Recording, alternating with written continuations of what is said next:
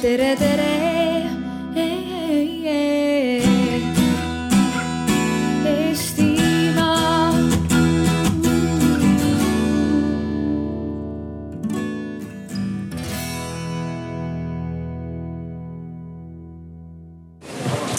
Tere, head pärastlõunat, kas äh, mind on hästi kuulda?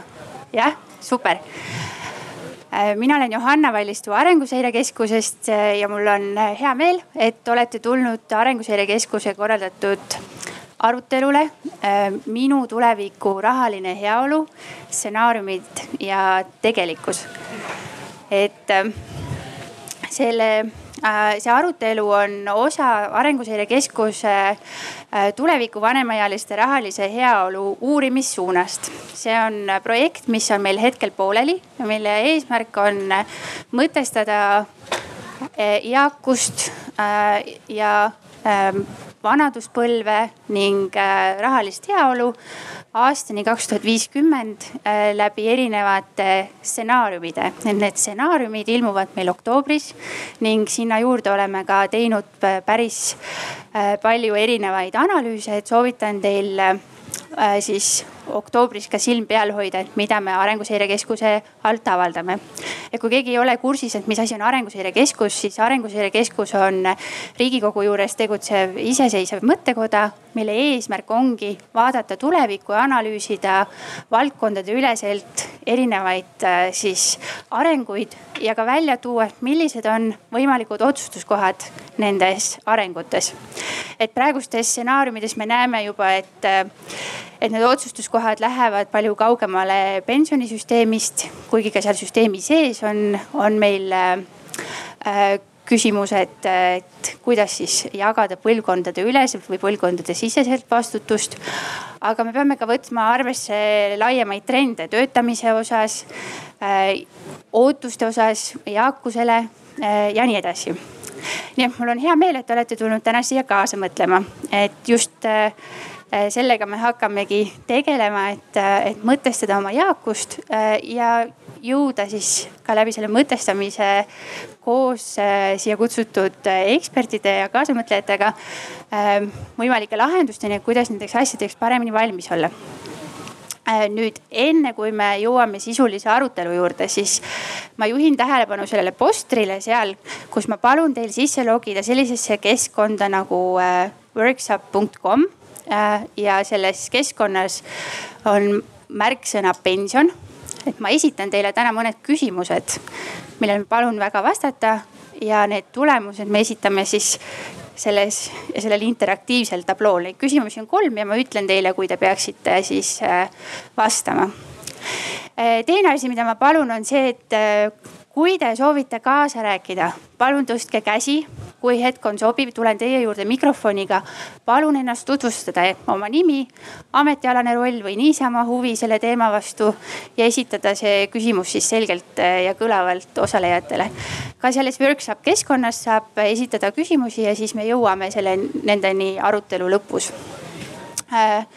ning äh, äh soovitan hoida sellist äh, avatud ja tulevikku vaatavat meelt.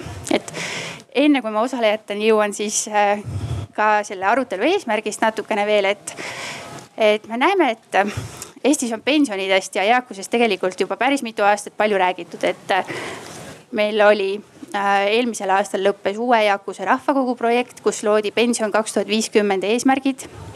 meil on olnud väga elav arutelu teise pensionisamba teemal meil on tehtud äh, pensionisüsteemi jätkusuutlikkuse analüüs kahe tuhande kuueteistkümnendal aastal. et võiks ju justkui öelda noh ja, ja ka eile õhtul, kes käis eile õhtul äh, Swedbanki äh, telgis pensioniteemalisel arutelul kuulamas? päris mitmed käisid. et me nägime, et, et seda teemat ka Arvamusfestivalil juba arutatakse ja kes käis enne seda IRL-i telgis, Isamaa telgis kuulamas pensioni arutelu? ahah, et eile oli juba kaks pensioniteemalist arutelu, et miks me siis siin oleme. me olemegi siin selleks, et äh, minna pensionisüsteemi teemast laiemaks, aru saada, et minevik ei ole sama, mis tulevik.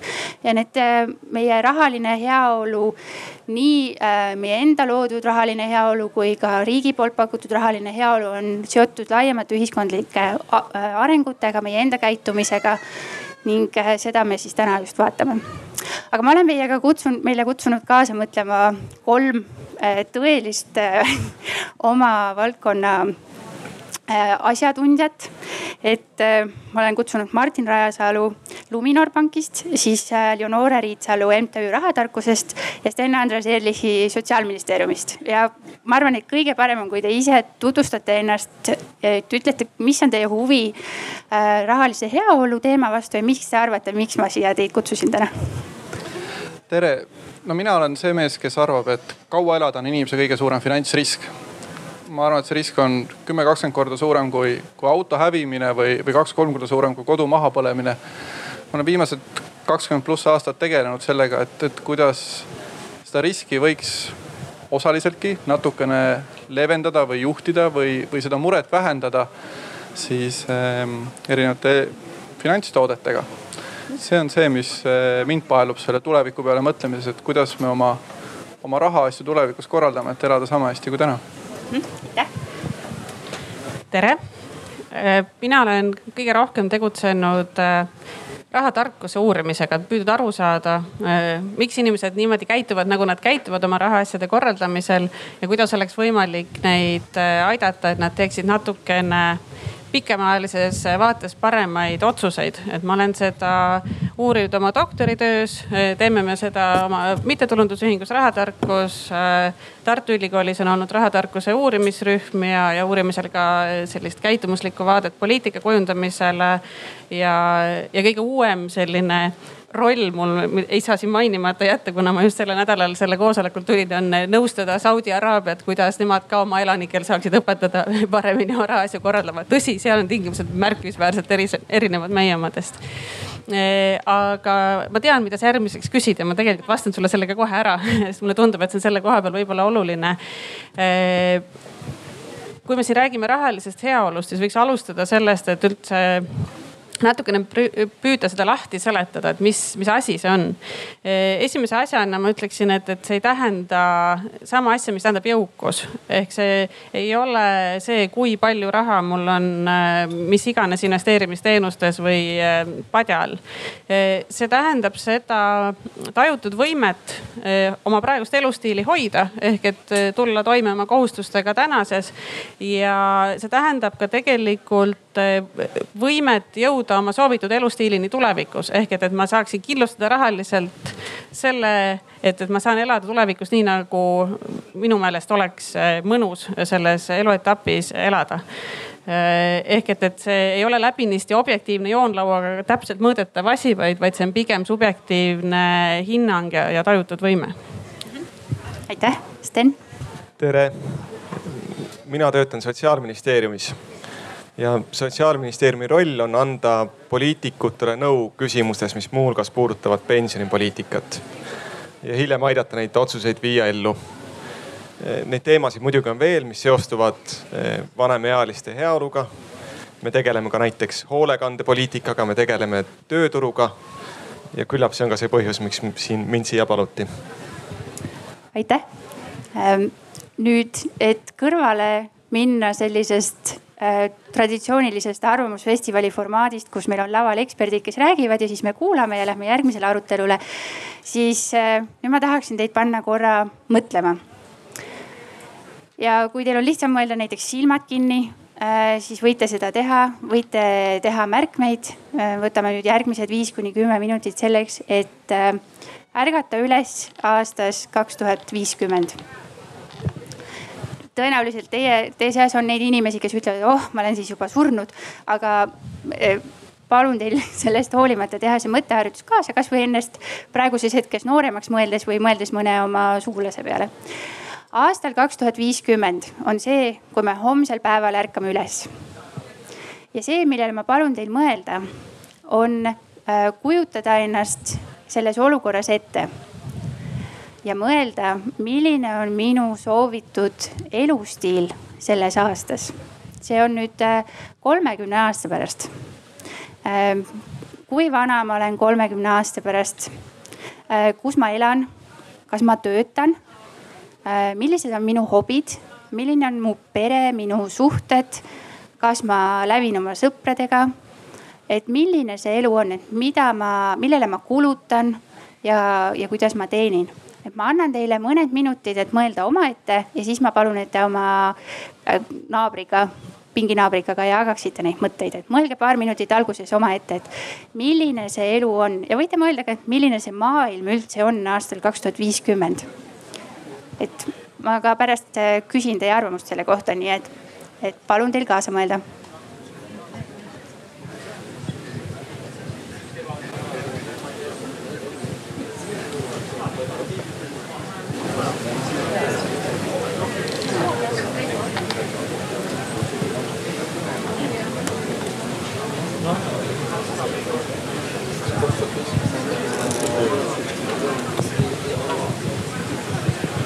vanad olete ka? kas sa jätkad, kas sa jaksad selle ajani tegeleda rahakotti suurusega?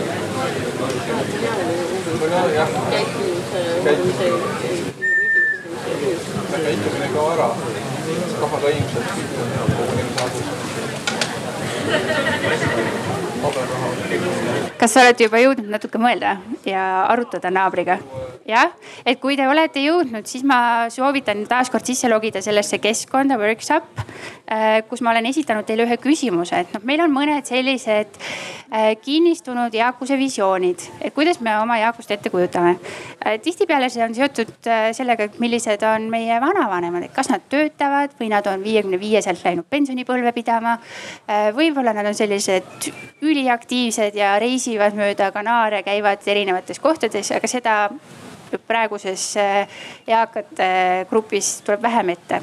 et palun minge sellesse keskkonda workshop.com märksõna pension ja vastake esimesele küsimusele. Äh, mis on siis selline, et minu ideaalne elu aastal kaks tuhat viiskümmend on või et ideaalne vanaduspõlv on, kui ja siis seal on mõned variandid. et kui ma saan lõpuks tööst puhata ja oma hobidega tegeleda, näiteks reisida. Äh, või siis, et saan jätkata oma erialal töötamist. Äh, kolmas, saan ette võtta uued väljakutsed, näiteks õppimine, uus töökoht ja nii edasi. Äh, ja neljas peaks olema hoopis midagi muud. kas te leiate? ei leia. nii kui sa lähed äh, workshop.com ja pension, kas seal tõesti ei ole?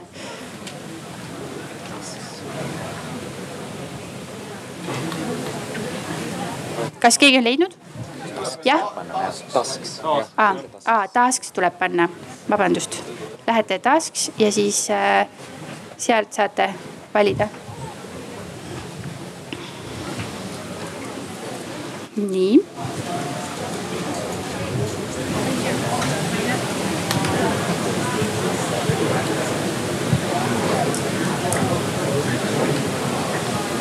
kas kõik on vastanud, kes on äh, tahtnud?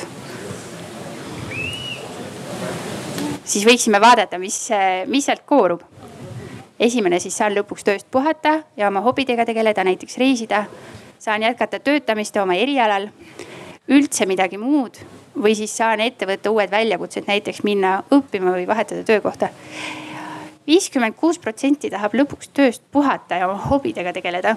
väga huvitav ja kaheksateist protsenti vastas, et saan jätkata töötamist oma erialal ja kolmas arvas, et äh, üldse midagi muud, ahah, need muutuvad ka. ja neljas siis, et saan ette võtta uued väljakutsed, näiteks minna õppima või vahetada töökohta. kes pani, et üldse midagi muud?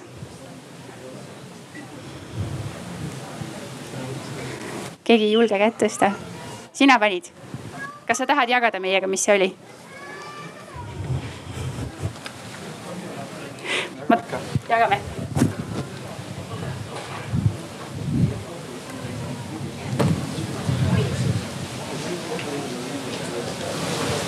räägi meile, mis see midagi muud on?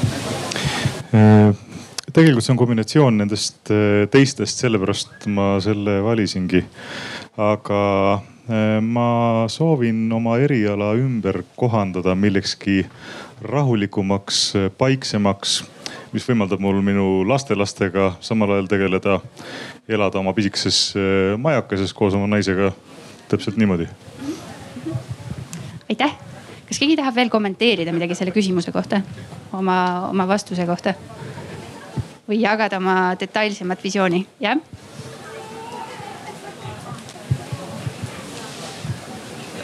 väga inetu on äh, küsimusele küsimusega vastata. aga ütleme, miks küsitakse valesid küsimusi, oleks võib-olla nagu kõige õigem ütelda, minu arust on pension olemuslikult see faas elus, kus sa lahkud tööturult. ja et kui inimene jääb pensionile, siis ta ei tee seda selleks, et minna uuesti tööle ta on seesama asi, et ütleme, et mina, mina, mina, mina kavatsen küll nii-öelda tööturult lahkuda ja, ja golfi mängida see, mida, mida õnneks enamus kavatsevad teha, aga see on see, see on see kommentaar, definitsiooni küsimus, et mis on, mis on pension, et kas pension on küsimus east või, või pension on küsimus nagu sinu tegevusest te, teatud nagu vanu, vanusetapis, et. aitäh selle kommentaari eest, kui ma oleksin pannud eakapõlves või äh, vanaduspõlves või vanemana, kas see oleks olnud parem? näiteks kui pensioniiga oleks kaheksakümmend, et kui me defineeriksime, et äh, eakad ütleme, et seitsmekümne aastane inimene ikka on eakas, et kas siis. mida sa kavatsed kaheksakümne aastaselt teha. mida sa kavatsed kaheksakümne aastaselt? olgu, aitäh minu jaoks on tegelikult üllatav, et nii paljud inimesed ütlesid, et nad äh, tahaksid nüüd puhata äh,. siis puhata, kui äh,, kui pensionipõlv tuleb ja tegeleda oma hobidega.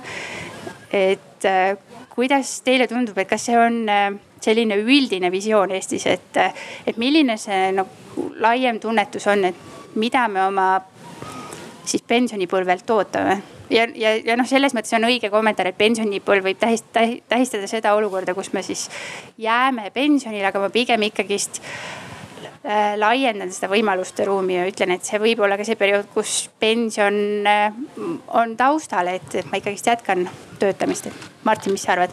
ja nagu ma võin siit kohe sõna otsast kinni võtta, ma arvan, et tegelikult me siin tegeleme nagu suuresti noh enesepetmisega selles mõttes, et paneme silmad kinni, lähme, lähme sinna viiekümnendasse aastasse ja ja siis tuleme tagasi, teeme silmad lahti, mida me tegelikult eh, ju nagu visualiseerime võib-olla ennast seal aastal viiskümmend ja, ja tegelikult välja ütleme oma, oma tänased hirmud selle tuleviku ees, et me ei tea samamoodi me ütlesime siia tulba peale välja, me tahaks puhata, sellepärast et noh, praegu on nagu ilus suvi ja, ja töötamine on ära ka väsitanud onju.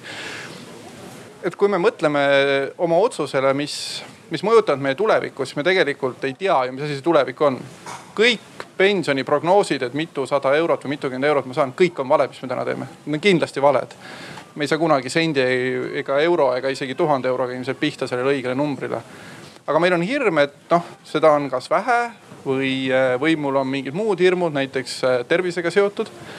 ja siis ma täna tegelen nende hirmudega lootuses, et äkki nad seal aastal kaks tuhat viiskümmend siis ei realiseeru või realiseeruvad need unistused ja tegelen nende unistustega mm -hmm.. noh, see midagi muud äh, golfimäng, eks ole, et, et siis tuleks praegu õppida esiteks golfi mängima, teha green card ära ja, ja, ja vaadata, kas, kas saab äkki koguda mingi ähm, golfiklubi neid äh, vautšereid, mille eest siis tulevikus saab prii, priimänge teha, eks ole.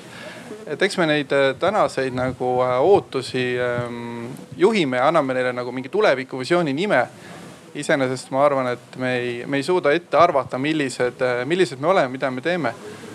teine asi on see, et see vast ei ole ka äkki väga suur probleem, sellepärast et noh, et kui sa, kui sa sissejuhatuses viitasid, et, et noh, et me tõmbame teatud paralleele oma vanematelt ja vanavanematelt, siis ma arvan, et me oleme nagu väga äh, äpardlikult selles või, või ebaõnnestunud, et noh, kui me oma vanavanemate moodi töötaks, käituksime, töötaksime, siis me täna ei oleks siin.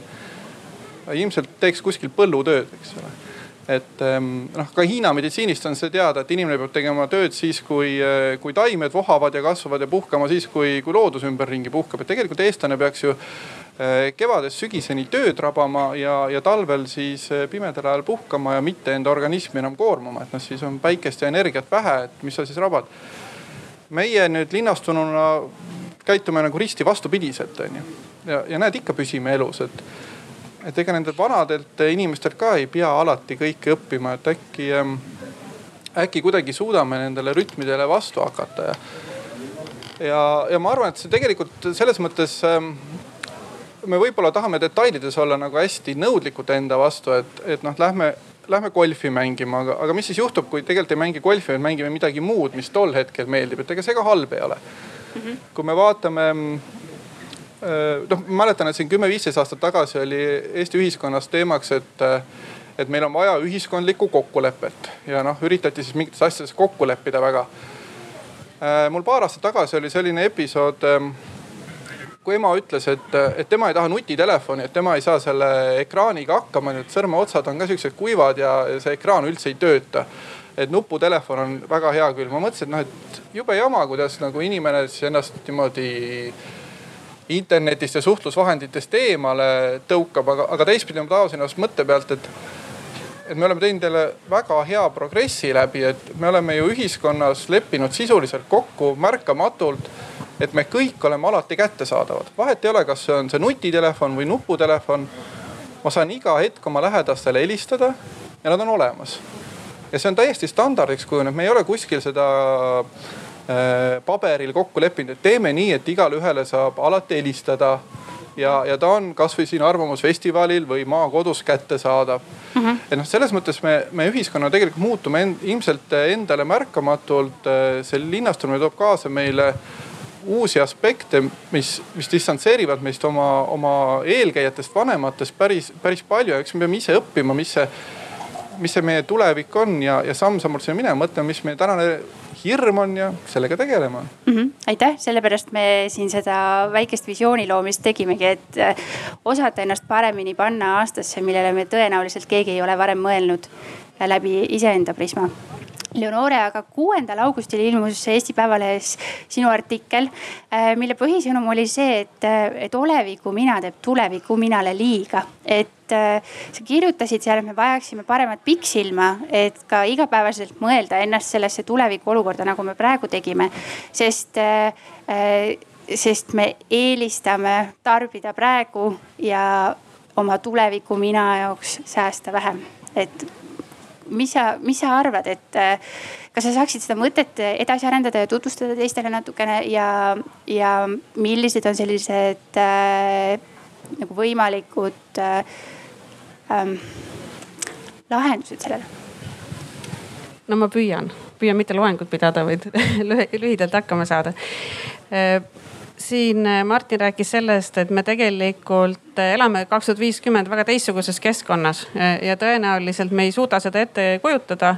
me, me ei suuda tegelikult aimata, millise, milline see linn või, või, või kogukond on, kus me elame, millised on keskkonnatingimused missugune see heaolu on, mida ma üldse vajan, mis mul on olemas, millised probleemid mul on, et võib-olla on probleemid sellised, mida praegu ei oskagi ette kujutada, et ma ei tea, praegu veepuudus ei ole väga suur probleem, võib-olla siis on see juba, juba tõsisem Eh, teine probleem on sellega, et, et me tegelikult ei oska ka iseennast selles kauges tulevikus ette kujutada.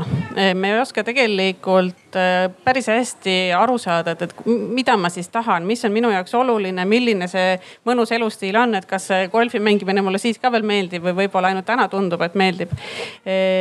ja me tegelikult ei suuda selle tuleviku minaga piisavalt samastuda.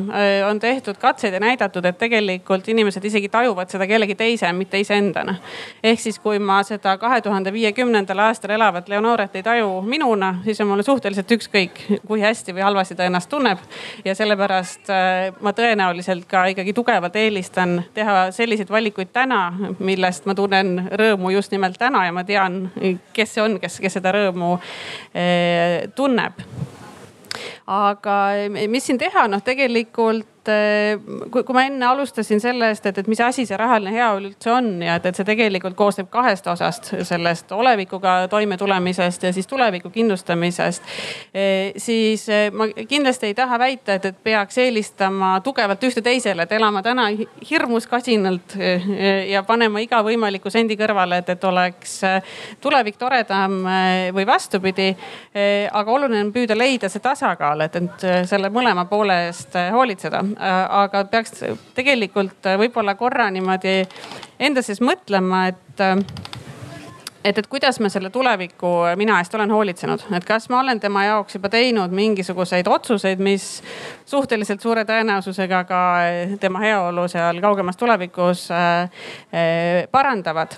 ja mina ei tea, kuidas teiega on, aga kui mina hakkan endale seda loetelu koostama ja, ja siis neid põhjuseid eh, endale loetlema, miks ma kindlasti ei saa teha neid otsuseid, et elada tervislikumalt, eh, panna rohkem raha kõrvale, hoida rohkem keskkonda ja nii edasi. Eh, siis vähemalt mina olen küll väga andekas neid põhjuseid leidma, et, et noh, vägagi mõjuvad ja objektiivsed asjaolud, mis, mistõttu noh, ma lihtsalt ju ei saa. aga võib-olla võiks siis korra veel minna sammu edasi ja mõelda, et, et kas need ikkagi on läbinisti objektiivsed põhjused või äkki mõni neist ka selline, mida on lihtsalt mugav endale öelda, sest et paha on endale öelda, et, et ma, ma ei viitsi mõelda selle peale. aga võib-olla see mugavus läheb meile natukene kalliks maksma. aitäh, ma tahaksin küsida Stenilt, et äh, kui vaadata äh, erinevaid äh, visioone eakuse kohta ja need olid ka siin küsimustes esitatud, et siis üks visioonidest on ikkagi see, et me ei eristagi töötavat elanikkonda ja, ja pensionäre, et, et on, tekib selline nagu unretirement kontseptsioon, et ma töötan senikaua, kuni, äh, kuni ma, kuni ma saan või äh, kuni ma suren. et sa oled tööturu teemadega päris palju tegelenud ja kas sa oskad öelda, et milline on see Äh, milline nendest äh, neljast variandist siis, et kas ma puhkan vanaduspõlves äh, või töötan oma erialal või õpin ümber ja proovin oma hobide mingisuguse huvitava asjaga tegeleda või siis midagi muud, et kuidas, kuidas see läheb kokku meie reaalsusega? Ja tegelikult selle pildiga, et meid on üha vähem ähm, ja me tegelikult ju teoreetiliselt peaksime kaasama vanemaid inimesi rohkem oma tööturule ma olen nüüd hästi halb osaleja, kõigepealt vastan ühele eelmisele küsimusele ka või kommenteerin lihtsalt neid tulemusi, et minu jaoks need ei ole üldse üllatavad, sest tegelikult need peegelduvad ju ka selles, et kuidas me täna suhtume vanemaealistesse Eesti ühiskond on, on üsna eriline ühiskond Euroopas selle poolest, et kui tavaliselt palgad tõusevad kuskil viiekümnenda eluaastani, siis Eestis on nii, et, et palgad tõusevad kuni umbes kolmekümne viienda eluaastani ja seejärel algab langus. Mis küllap väljendab seda, et, et Eestis jätkuvalt on suhteliselt tugev selline vanuseline diskrimineerimine või hoiak, et, et kui inimene on juba kõrgemas eas, siis tema koht ei olegi võib-olla tööturul, vaid ta peakski võib-olla jääma pensionile. Ja selles valguses ei ole ka see tulemus ju üllatav, eks, et, et kui me, kui meil on sellised hoiakud ühiskonnas, siis küllap me mõtleme ka iseenda kohta täpselt samamoodi, et kui me jõuame teatud ikka, kui ma saan vanaks, siis ma enam ei tööta mitte edasi, vaid siis ma jäängi puhkusele koju pensionile. nüüd vastates sellele küsimusele, et, et ehm, mis on see reaalsus, siis see on hirmutamine, et pension kui selline kaob ära mina sellesse küll ei usu, et pensionisüsteem vähemalt lähima saja aasta jooksul kukuks kokku. palju räägitakse demograafilistest muutustest, sellest, et kuidas järjest vähem on tööealist elanikke, järjest rohkem pensionäre. Ja küllap seal on ka terake tõtt. aastaks kaks tuhat kuuskümmend näiteks on, on Eesti rahvastik umbes üks koma üks miljonit inimest. seega vähenemineks tuntavalt. samal ajal vanemaealiste hulk kasvab, aga samal ajal paralleelselt toimuvad ju ka muudatused pensionisüsteemis. näiteks ehm, see oli üks-kaks aastat tagasi, kui otsustati, et aastast kaks tuhat kakskümmend seitse hakkab Eestis pensioniiga tõusma koos oodatava eluea tõusuga. Et eh, kui täna, eks see on kuuskümmend viis aastat, siis tõenäoliselt praeguste prognooside kohaselt aastaks kaks tuhat viiskümmend pensioniiga ei ole mitte kuuskümmend viis, vaid kuskil kuuskümmend kaheksa mis tähendab, et meil on vahendeid selle jaoks, et hoida pensionäre üleval. lihtsalt pensioni mõiste kui selline natuke muutub. ja samamoodi ka kogumispensionid on tegelikult ju, ju suhteliselt elujõulised. nii et eh, riigi suutlikkuses minu meelest ei ole küsimus maksta pensionit. Pigem on küsimus selles, et kuidas muutuvad inimeste hoiakud ja teiselt poolt, kuidas muutuvad võimalused, mida me inimestele pakume. ja siin mulle tundub, et pigem trendid on positiivsed Ehm, kui ma alustasin sellest, et, et Eestis hoiakute tõttu on nii, et palk hakkab langema kolmekümne viiendast eluaastast, siis olukord on paranenud ning ta, ning ta paraneb jätkuvalt. ning Eesti pole ajaloo mõttes ainus riik, kus see kunagi on nii olnud. ka teised riigid on läbinud sellise arengu ning ühtlasi on, on kaasnenud sellega ka see, et, et inimesed pensionipõlves jätkavad ka sellistel töökohtadel, mis ei ole mitte madala kvalifikatsiooniga, vaid kõrge kvalifikatsiooniga, kus nad saavad ennast teostada on muutunud ka inimeste arusaamad sellest, et, et eh, mida nad rohkem vajavad, kas nad vajavad rohkem puhkust või vajavad rohkem eneseteostust. ning samamoodi eh, tehnoloogia on midagi, mis võimestab meid järjest enam. kui täna on nii, et paljud töökohad muutuvad tervise tõttu kättesaamatuks. ma lihtsalt ei jaksa või ei suuda enam ühte või teist töökohta täita. siis mida rohkem areneb tehnoloogia, mida rohkem me kasutame abivahendeid, seda lihtsam on neid ametikohtasid täita siin neid äh, näiteid võib tuua seinast seina, eks alates eksoskelettidest kuni, kuni näiteks selleni, et on, on võimalik ka mobiiltelefoni kasutada vanematel inimestel. Äh, ka nutitelefoni, sest tekst läheb suuremaks, nähakse kirja. Äh, nii et selles suhtes mina olen pigem positiivne, ma arvan, et, et, et see on tänane pilk, pilt, mis peegeldab meie tänaseid hoiakuid.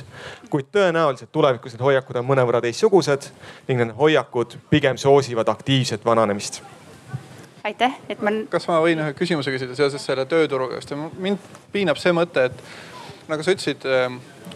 Ähm, palgatöö, mida me teeme, läheb meile lihtsamaks, vähem konti murduvamaks igapäevaselt.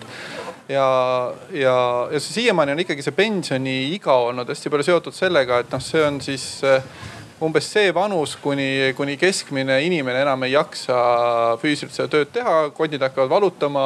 noh, ta ei ole enam nii eh, tootlik võib-olla kui, kui noorem. aga kuidas see muutub, kui see töökeskkond muutub lihtsamaks, me istume kõik arvuti taga või, ehm, või kes teab, mis seadme taga, juhime seda noh väga kergelt liikuva hiirekesega, mitte ei tõsta raskeid eh, raudkamakaid, eks ole, et seal tuleb pigem väljakutseks see, et noh, mingi hetk ma seal aastal viiskümmend olen ilmselt eh, omajagu aeglasema taibuga, kui ma praegu olen. vähemalt ma kardan seda. ja, ja ma arvan, et nooremad kolleegid eh, hakkavad seda selja taga ütlema ka mulle onju. et kuidas seal see tööturult väljaarvamine või, või süsteem peaks käima, et või, või, või pensionini minek ma ise arvan küll, et mina arvan, et ma olen ikka super nutikas ja saan kõikide nende kaasaegsete tehnoloogiatega hakkama Äh, tööandja ei pruugi nii arvata. tegelikult see probleem ei ole ju mitte selles, et äh, vanemad inimesed ei suudaks õppida, vaid probleem on selles, et kui palju nad õpivad. häda on selles, et õppimiseks on ka ju vaja oskuseid, õpioskuseid ning mida kauem ollakse olnud eemal õppimisest kui sellisest, seda raskem on ka hakata uuesti õppima. Ning täna on tõesti nii, et, et äh, Eestis, mida vanemaks saavad inimesed, seda vähem nad osalevad tööturul. kuid arvestades, et tehnoloogia areng on tõenäoliselt järjest kiirem, siis tõenäoliselt ka töökohad turul järjest kiiremini vahetuvad. mistõttu võime omandada uusi oskuseid on, on järjest tähtsam. aga see, et vanemad inimesed ei suudaks oskuseid põhimõtteliselt omandada, pole tõsi. Nad suudavad, kui nad seda proovivad, kui nad julgevad selle võtta endale ette Harari esitas äh, oma Homo Deus raamatus sellise mõtteharjutuse, et mõtle, kui sinu ülemus oleks saja viiekümne aastane et, et kui ta visioneeris sellist nagu äh, kaugesse tulevikku sellist pikaealisu, pik, ülipikaealisust. aga samas hiljuti ma tutvusin Taani pensionisüsteemiga ja aastaks kaks tuhat kaheksakümmend on Taanis pensionile jäämise iga seitsekümmend viis. ja nad ütlesid, et et see plokk, mille see tekitab inimestes praeguses, praegusel hetkel, et noh, see äh, vastuseis sellele mõttele, et ma pean olema tööturul, kuni ma olen seitsekümmend viis, on praegu väga-väga suur. aga, aga samamoodi nagu Martin ütles, et me aegamisi äh, sõlmime neid ühiskondlikke kokkuleppeid ja läheme trendidega kaasa, ilma et me seda mõistaksime, et ka praegu ju enam äh, keegi väga naljalt viiekümne viieselt pensionile ei lähe, kuigi äh, meie vanemate, vanavanemate seas oli see tavaline vanus, kui äh, pensionile minna, et, äh, et. ma võib-olla vastaksin ühe looga. see lugu sündis siis, kui ma käisin Eesti Töötukassas praktikal, töövarjuks, käisin vaatamas, et millised on kliendid, kes tulevad Eesti Töötukassasse. Ehm, ja tuli üks, üks proua, vanem proua, pisarad silmis konsultandi juurde. Kõigepealt eh, konsultant rahustas teda maha, püüdis saada temaga jutule ning siis lõpuks jõudis jutt selleni, et, et eh, milline oli proua elulugu ja mis tal siis häda oli. proua elulugu oli selline, et ta oli töötanud kuskil kakskümmend aastat lüpsjana seejärel oli, oli toimunud ehm, Eesti iseseisvumine, põllumajandus, kolhoosid olid kukkunud kokku. ta oli sunnitud minema tööle koristajaks ja töötas ka seal pisut rohkem kui kakskümmend aastat. ja siis tal jõudis kätte pensioniiga või õigemini hakkas pensioniiga kätte jõudma. ja ta eh, läks oma tööandja juurde, ühte hotelli, kus ta töötas koristajana. ütles, et ta lahkub töölt, kui tal saabub pensionipäev ehm, aga et tal on, ta teab, et tööjõud on puudu et ta toob sinna juurde enda sõbranna, kelle ta koolitab ise välja, et tööandja saaks kuidagi hakkama. tööandja oli nõus, leidis sõbranna, koolitas välja, sõbranna võttis üle. Tema esitas lahkumisavalduse ja läks siis eh, oma sünnipäeval eh, Sotsiaalkindlustusametisse, et, saada pensionit. veel enne seda tal, tal hommikul oli olnud sünnipäevapidu eh, abikaasa ja tütar olid pannud rahad kokku ning esimest korda elus saatnud ta Soojamaa reisile, sai minna Türki ja kui ta jõudis Sotsiaalkindlustusametisse, esitas avalduse, siis talle öeldi, et kallis proua, Eestis pensioniiga pole mitte viiskümmend viis, vaid kuuskümmend viis. Ehm, ja ta oli väga mures, et, et mis nüüd saab, et eh, kas ta saab minna Soojamaa reisile. et kus ta töötab järgmised kümme aastat, et, et kuidas see võimalik on. asja kurbloolis on see, et, et eh, proua nimi oli Kalina ja ta oli, see juhtus mitte Tallinnas, vaid see juhtus Kirde-Eestis ja proua ei vaadanud mitte Eesti meediat, vaid ta vaatas Vene meediat ilmselgelt ja parasjagu oli Vene meedias debatt, kas naiste pensioniiga peaks tõusma või mitte. Ja Venemaal, eks pensioniiga tänapäevani on, on viiskümmend viis aastat. ja minu meelest see peegeldab väga hästi seda küsimust, et, et millal me hakkame mõtlema pensionile või millal me peame normaalseks pensionile minekut. see ei ole mitte see iga, kui, kui me väsime ära või, või tervis on hädad, sageli see juhtub nii eestlastel kui ka venelastel varem, ta võib ka juhtuda hiljem. see ei ole ka see iga, kui me ei saa enam enda tööga hakkama, kui oskused pole piisavad. Vaid see on see iga, mida meile sisestatakse ühiskondlikult, et mis on see meediahoiak, mis on see ühiskondlik norm. ja need inimesed, kes elavad ühes meediaruumis, ühes väärtuste maailmas, kus, kus õigeks peetakse seda, et pensionile minnakse kuuekümne viie aastaselt või miks ka mitte seitsmekümne kahe aastaselt. Nende jaoks ongi see iga, teiste jaoks võib see iga olla palju madalam et see on ikkagi see ootus, et mida teised ka meile ütlevad, et kas me selle taustal võiks ka sama hästi olla see unretirement stsenaarium, kus äh, me ei lähe, me ei mõtlegi sellest, et me jääme pensionile, vaid see eneseteostus on, on kõige olulisem. Martin, kas sa tahtsid lisada? ja ma tahtsin öelda, et võib-olla see, noh, see pensioniiga meie jaoks muutub vähem oluliseks, et siin ju nädalad või, või kuu aega tagasi oli, äh, oli investeerimisfestival, mille kohta ma lugesin, et arutleti ka palju selle finantsvabaduse teemal ja ja, ja noh, need Ameerika trendid on siiani, siiamaale ka jõudnud, et inimesed räägivad, et ma tahan endale nagu kolmekümne viieselt pensionäriks saada või ehk teiste sõnadega siis äh, finantsiliselt vabaks, et elan passiivsest sissetulekust, teen mida tahan, tahan käin tööl, tahan ei käi tööl. Et ähm, ma arvan, et me oleme siin Eestis ka ikkagi väga palju äh, ja väga kiirelt liikunud selles suunas, et noh, riigi poolt sätestatud normid on, on mingid äh, miinimumstandardid, aga, aga see ei ole see, mille järgi me peaksime oma elu kujundama, et et äh, ma võiks ka pensionile minna viiekümne viieseks, kui viiekümne viieselt, kui mul on selleks vara. ma võin töötada üheksakümne üheksa aastaseni, kui mul on selleks võimet, oskusi ja, ja tahet ja tegelikult ega see töölt äraminek ei ole ju ainult see kondivalu, mis, mis seda sunnib tegema või, või siis selle puudumine, mis võimaldab tööd jätkata. samuti ma arvan, et see finantside pool ei ole ka äh, peamine. iseenesest ma arvan, on, on ikkagi kõige olulisem see, kuidas me ennast äh, sotsiaalselt tunneme, kas me oleme ühiskonda kaasatud, keda meil on enda ümber vaja, et kui mul on äh, piltlikult öeldes, ma seda täna ei tea, aga kui mul on kaheksa laste, lapselaps, kellega tegeleda on ju, siis mul on kodus äh, sotsiaalne võrgustik olemas ja mul on seal tore olla kui ma olen äh, tulevikus üksik vanur, siis ma tõenäoliselt ja väikse perega või, või pere on kolinud välismaale elama, oma eludega edasi läinud, siis ma tõenäoliselt valiksin hoopis tööl käimise ja, ja kollektiivis olemise. Olenemata sellest, palju mul raha on või, või kui palju see kont valutab, noh ikkagi taluks seda valu võimalikult kaua.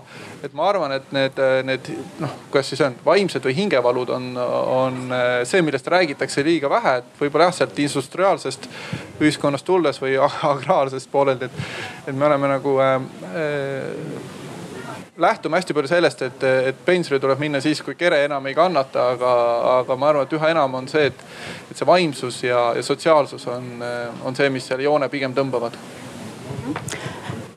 siit ma läheksingi edasi äh, selle küsimusega workshop'is, äh, mis natukene uurib teie hoiakuid selle osas, et millele siis loota oma vanaduspõlve rahalise heaolu loomisele. palun minge jällegi workshop.com märksõna pension ja alajaotusesse tasks ja seal on teile küsimus, küsimus B. oma vanaduspõlve rahalise heaolu loomisel ja nüüd pidagem siis meeles oma eesmärki puhata eh, ja tegeleda oma hobidega, et eh, kas selle võimaldamiseks, et A olen loonud kolmanda samba, investeerin aktiivselt aktsiaturgudel või kinnisvarasse. B loodan lastele ja perele. C usun, et saan riigipensioniga hakkama või siis eh, pole sellele üldse mõelnud et kas olete ka midagi äh, juba ette võtnud selle jaoks, et, äh, et saaks ühel hetkel töötamise lõpetada ja mõnusalt nautida pensionipõlve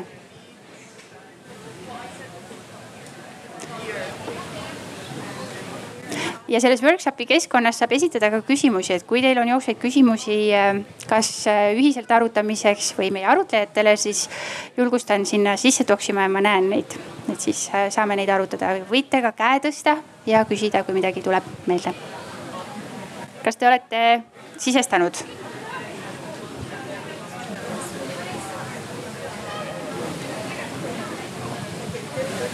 Kuuskümmend kolm protsenti, kuuskümmend üheksa protsenti siin osalejatest, see on küll rekordarv, on siis äh, kas loonud kolmanda samba või investeerivad aktiivselt aktsiaturgudel või kinnisvarasse. väga tublid, ma arvan, et see läheb äh, sellise üldise pildiga eestlaste investeerimiskäitumisest nagu täiesti vastuollu. jah, Leonore, kas sa tahad seda kommenteerida? No ma küsiksin kohe, et kui suur oli valim, et, et kui, kui, kui mitu see kuuskümmend kaheksa protsenti on. jah, üldiselt äh, väljaspool kohustuslikke pensionifonde inimesed, eriti Eestis äh, vähemalt viimaste uuringute andmetel äh, ei tegele, et neid on pigem nagu mõned protsendid, kes kes eh, tegelevad, nii et samas andmed on kergelt juba võib-olla vananenud, uued mm, -hmm. uus uuring on just parasjagu toimumas. võib-olla oktoobris saame öelda, et, et on toimunud samasugune meeletu hüpe ka üldpopulatsioonis, aga julgen kergelt kahelda. ja kas sa ütlesid kolmkümmend neli inimest vastas. Te võiksite natuke aktiivsemad olla. järgmine küsimus siis äh, kontrollime, et kas ikka kõik vastasid. Workshop.com, äh, workshop.com, seal on selline lahter, kuhu tuleb panna pension ja siis alajaotus tasks, kust leiate selle küsimuse, küsimus kaks, et kerite alla. kas leidsite üles? Et praegu saab veel oma vastuse lisada.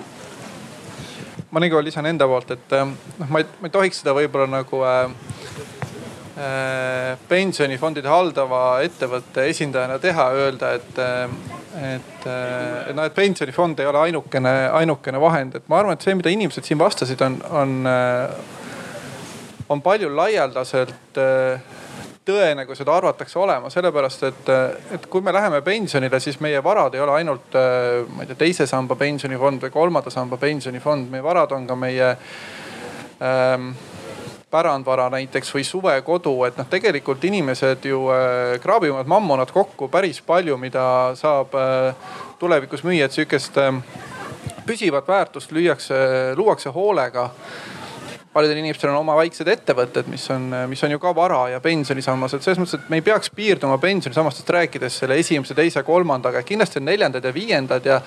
ja, ja kui me mõtleme oma isikliku mätta otsas, siis, siis ma arvan, et see pilt on väga tõene, et mm -hmm. eestlased on ju võrreldes paljude-paljude teiste rahvustega väga rikkad, et äh, kes me täna siin oleme, meist väga suur hulk omab äh, kodu, lisaks veel maakodu näiteks et kui võtame suurlinnad, kus inimesed tegelikult ei oma isegi mitte seda elamispinda, kus nad igapäevaselt elavad, see on rendipind. noh, Pariisis, Londonis, New Yorgis ei ole palgatöölisel reaalselt võimalik kesklinnas osta korterit endale, noh see on utoopiline, saja aasta palk sul, eks ole. et, ähm, et selles mõttes eestlaste seis on hea, et noh, ma peaks muidugi oma, oma tooteid nagu rohkem müüma, aga ma arvan, et, tegelikult on, on eestlaste varaline kindlustatus päris hea noh, ainuke asi on see, et me, me ikkagi peaksime hästi meelekindlad olema selles osas, et noh, et nagu oma lapsi oma pensionivaraks pidada tundub mulle ebaeetiline ja noh, oma see kodu, kus ma täna sees elan, et, et sellega ka nagu suur küsimärk selle kohal, et. ja ma tahtsingi just Leonorelt küsida, et kas siin pildil on midagi valesti, et ma, ma olen ostnud korteri, tõenäoliselt kolmekümne aasta pärast on see välja ostetud. ma olen saanud lapsi äh,. aga võib-olla mu lapsed äh, ei arva, et nad peaksid mind üleval pidama ja võib-olla ma ei taha oma korterist välja kolida ja, ja ühe, ühe teise panga üks uus äpp näitab mulle, et oma palgast, mitte küll arvestades tootlust, hakkan saama pensionit kakskümmend seitse protsenti tulevikus. et äh, kas äh,, äh, kuidas sa seda kommenteerid, Leonore, et äh, kas, kui sa võtad nagu selle laiema tausta, mis äh, mis need äh, üldised uuringud näitavad, et äh, kas, kas see on piisav, et mul on see korter ja, ja lapsed või ma peaksin midagi muud tegema? tegelikult nende uuringute häda on see, et, et nad väga vähe pööravad tähelepanu sellistele asjadele, mis, mis ei ole aktsiad ja fondi osakud, et selles mõttes on Martinil täiesti õigus, et äh, me peaksime vaatama palju laiemalt neid nii-öelda investeerimisviise kõige laiemas mõttes, oma tervis, oma kodu ja nii edasi Äh, ja kui me räägime jällegi rahalisest heaolust, siis, siis nende osas need kahtlemata mängivad väga olulist rolli ja on ka näidatud seoseid äh, vaimse tervise ja, ja rahalise heaolu vahel äh, nii ja naapidi, et, et need kindlasti kahtlemata omavahel seotud. ma loodan, et, et tulevased ülevaated tegelikult ka sellele osale rohkem tähelepanu pööravad. võib-olla täiesti avaldan täiesti subjektiivselt äh, isiklikku arvamust. Äh, võib-olla see on ka kerge selline liigne enesekindlus, et äh, mul on see kodu ja need lapsed, järelikult ma kindlasti saan väga hästi äh, vanemas eas äh, hakkama. Ilma mõtlemata selle peale, et, et võib-olla see katus ei pea kuuskümmend aastat vastu ja, ja võib-olla on ka kulud selle kodu eest hoolitsemisega ja võib-olla on neil lastel vaja enda pensionipõlveks raha koguda, oma elamispinda hankida ja nii edasi, et, et nad kindlasti on väga tublid inimesed, aga võib-olla nad lihtsalt ei suuda veel lisaks kõigele ka, ka mulle piisavat sissetulekut eh, võimaldada võib-olla juhiksin tähelepanu ka ühele ohule, mis siin peidus on hästi ohtlik on loota kinnisvarale olukorras, kus kiiresti toimub inimeste ümberpaiknemine. korter, mis täna võib olla väärtuslik mõnes Eesti väikelinnas, ei pruugi olla üldse väärtuslik näiteks kolmekümne aasta pärast. ja seda on, on, on suhteliselt raske prognoosida, et, et mis need kinnisvara hinnad on. nii et mina küll ei julgeks loota vähemalt eh, suures osas paikades sellele kinnisvaral ka tulevikus on nii suur lootus, nii suur hind, kui täna on. ja see võib omakorda tekitada olukorra, kus inimesed eh, omavad võltslootuseid oma pensionite suhtes või, või tuleviku rahalise heaolu suhtes. meie küsitlusele vastanutest äh, kaheksa protsenti ütleb, et nad äh, usuvad, et nad saavad riigipensioniga hakkama. kas seda tundub sulle et kas sulle tundub see suure arvu või väikese arvuna inimestest, et kas ja mida see eeldaks, et sellega hakkama saada? või ma siin nõustun eelkõnelejatega, küllap see valim meil on kallutatud, et need inimesed, kes täna on tulnud meid kuulama. Ehm, küllap neil on teatud eelteadmised finantsvaldkonna kohta ja, ja ka huvi. Nii et ega see ei ole realistlik Eesti pilt, et, et tegelikult on neid inimesi palju rohkem, kes loodavad sellele esimese samba pensionile kas Eestis on võimalik esimese samba pensioniga või riikliku vanaduspensioniga hakkama saada? vastus on, et, et eks kindlasti on, aga kindlasti on ka palju arenemisruumi. kahjuks pilt on selline, et Eestis on võrreldes teiste Euroopa riikidega ühed kõige madalamad vanaduspensionid suhestatuna muudesse sissetulekutesse. Ehm, kui te lähete pensionile, siis tõenäoliselt te saate keskmine Eesti inimene, kes on töötanud kuskil nelikümmend aastat ta saab nelikümmend protsenti oma, oma kunagisest palgast. samal ajal kui rahvusvahelised eesmärgid, mida püstitatakse, on sageli kuuskümmend protsenti või seitsekümmend protsenti. samal ajal Eesti pensionärid kindlasti ei ela absoluutses vaesuses. et on, on ühiskonnas ka palju neid rühmasid, kes on vaesemad kui pensionärid.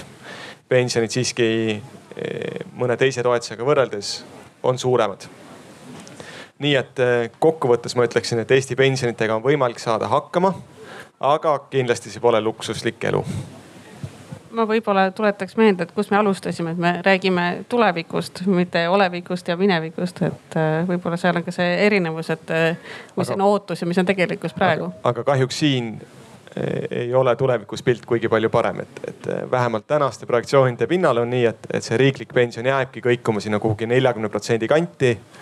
Ehm, sinu eelnevast palgast ja siin natuke sõltub sellest, et, et mida tehakse pensionireformide käigus mõistagi, kui inimene pole kogunud teise sambasse endale vara, siis teise samba pension mõnevõrra väiksem. esimese samba pension jälle selle võrra on, on mõnevõrra suurem. võib-olla ka inimesel siis on teisi sääste, mida ta saab kasutada rohkem, võib-olla on vähem. ega tegelikult ju ei tea ma arvan, et selle esimese või riikliku pensioni osas on meil, on meil palju võimalusi siis, kui see aasta kaks tuhat viiskümmend on käes, sest siis toimuvad ka riigikogu valimised ja kohalikud omavalitsuse valimised ja noh, siis lähme ja otsustame, et kui, kui meid vanureid, minusuguseid seitsmekümne viie aastaseid on siis ikkagi noh, sihukene kolmandik ühiskonnast on ju noh, küll me siis selle kaalukausi ära kallutame, et noh, et unustame ära need vanemapalgad ja lasteaiad ja siuksed värgid on ju. teistpidi noh, kui ma täna mõtlen oma lastele ja lastelastele, siis ma peaksin eh, kuidagi juhtima seda riski, et ma vanas peas nagu väga rumalaid ja halbu otsuseid teen ühiskonna vaatest ja oma laste vaatest, siis ma peaksin täna endale seda, seda pensionikapitali nii palju koguma, et seal valimiskasti juures noh natukenegi mõistlikke otsuseid teha, aga, aga tõesti, kui me räägime tuleviku riiklikust pensionist, siis me peame teadvustama ennast, et see ikkagi oleneb hästi palju päevapoliitikast, et ähm, neid, neid pensioniotsuseid, et kas tõsta seda riiklikku pensioni nüüd noh, tänases vääringus sada eurot sinna-tännapoole, mis on, mingi kakskümmend viis protsenti tänasest pensionist peaaegu noh, neid saab nagu iga valitsus ellu viia täna, saab tulevikus. ma ühte asja tahaksin veel öelda, mida varem juba ütlesin, aga veel kord rõhutada. et eh, tihti öeldakse, et vot kui mina saan nii vanaks, siis mulle pensionit ei maksta. pensionid kui sellised kaovad ära. mina ei usu seda, see on hirmutamine, et inimesi hirmutatakse, et tulevikus te jääte niivõrd hätta, et, et riik üldse midagi ei suuda teile pakkuda Ehm, ja sellest tulenevalt inimesed teevad ka irratsionaalseid valikuid. Ehm, näiteks, et, et inimesed loobuvad sotsiaalmaksu maksmisest või, või ei tööta legaalselt, sellepärast et noh, mis kasu ma sellest saan. tulevikus mina ju nagunii pensionit ei, ei saa. Eh, ärme palun seda ütle, et, et tulevikus pensionit üldse ei ole Äh, jah, sest äh, me elame, eks ju, demokraatlikus ühiskonnas, kus me saame valida inimesi, kes neid otsuseid meie eest teevad ja kui meil on suurenev vanemaealiste grupp, siis on nad ka elektoraadi grupina häälekamad, nagu Martin välja tõi, et siis just, tuleb just, see millegi muu arvelt. olgu, kolmteist protsenti ütles, et nad ei ole sellele üldse veel mõelnud. kas keegi tahab öelda, millal siis oleks hea hetk sellele mõtlema hakata? Kas keegi tahab kommenteerida?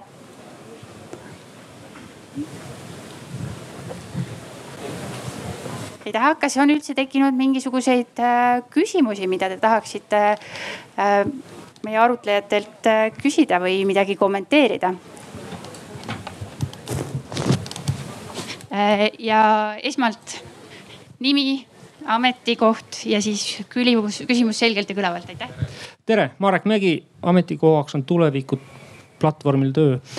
küsimus on nüüd siin selles, et ma näen, et siin enamus inimesi on üsna noored, tõenäoliselt on teil olemas emad-isad, kes töötavad, siis kindlasti on olemas selle vanad, vanaisad, vanaemad. ja nüüd on küsimus just sellisena vaadel, vaadelda. kui halb on see, et te oma vanaisa ja vanaema eest hoolitsete, kas see on teie jaoks koorem, on see teile vastik ja siit edasi tulevikuprojektsioon, miks te arvate, et teie lapsed ei tahaks teie eest hoolitseda? Kas see on küsimus nüüd äh, kuulajatele või, äh, või meie arvajad, jah? see küsimus on isegi lava peal olijatele, kes optimistlikult äh, arvan, et eile õhtusest kergest vinest on väga optimistlikul seisukohal nüüd selles pensionis, pensionisüsteemis, selle jätkusuutlikkuses ja enda võimekuses osaleda aktiivses ärielus töö, töötajana, milles vanema inimesena julgen mitte lihtsalt kaheldavat, olen kindel, et te olete optimistlikud. aitäh ähm, mina kindlasti tooksin siia teemasse sisse ka Eesti äh, omastehoolduse küsimused, aga ma annan äh, sõna, kes, kes soovib seda küsimust kommenteerida. Sten Andres, kas sa soovid vastata? eks ma võin otsa ju lahti teha, et äh, nõus, need mudelid ongi ju tegelikult erinevaid, et, et kuidas me üksteise eest hoolitseme. kas seda teevad perekonnaliikmed või see on kuidagi mõnes institutsioonis või me ootame, et inimesed saavad aina enam iseendaga hakkama miks me üldiselt arvame, et me liigume omastehooldusest eemale? sellel on, on kolm põhjust. üks põhjus on selles, et Eestis demograafiline mudel on, on muutunud. järjest enam on neid eh, vanemaid inimesi, kellel lapsi on vähe või kel lapsi üldse ei ole. Mis tähendab, et eh, see mudel, kus lapsed hoolitsevad eh, vanemate eest, see tulevikus nende inimeste puhul lihtsalt ei saa toimida. see on üks põhjus teine põhjus on selles, et tehnoloogia on arenemas ning seda ka eh, vanemate inimeste või üldse hoolsu, hoolduskohustuse täitmisel või, või inimeste hooldamisel. see võib kõlada väga naljakalt, aga näiteks on olemas selline asi nagu hüljes, mis, eh, mis teega suhtleb, mida kasutatakse Jaapanis. Jaapan on juba täna, eks, vananenud ühiskond Ehm, üks ehm, suur vajadus, mis, mis inimestel alati on, on, on sotsiaalne vajadus suhelda kellegiga. selleks, et sellest saada üle, on Jaapanis loodud hülged, mis suhtlevad nende vanainimestega, kel ei ole lapsi, kellega suhelda. on ka teisi samasuguseid abivahendeid, mis tegelikult teid aitavad, aitavad teil tulevikus saada paremini hakkama. ning see on üks põhjus arvata, miks tulevikus võib-olla vanemad inimesed ei vaja enam nii palju tuge. kolmas asi eks siin inimesed ka ju erinevad, aga paljude vanemate inimeste puhul on nii, et nad tegelikult ei taha tunda, et nad on enda lastele koormaks. Nad ei taha tunnetada seda, et, et nende vajadused piiravad nende laste vajadusi. ning küllap ka seetõttu inimesed kujundavad enda elusid, vähemalt mõned inimesed sellisel moel, et, et eh, laste kohustus ei oleks hooldada vanemaid. kolm sellist vastust ma lihtsalt tahtsin öelda, et tegelikult see ülgega suhtlemine tundub kaunis depressiivne perspektiiv, et ma tean, et Eestis on leiutatud selline asi nagu koer, keda saab ka silitada ja suhelda, et noh, aitab ka hädast välja, aga tegelikult eks noh, oma lapsed olla lähedal ikka paremad.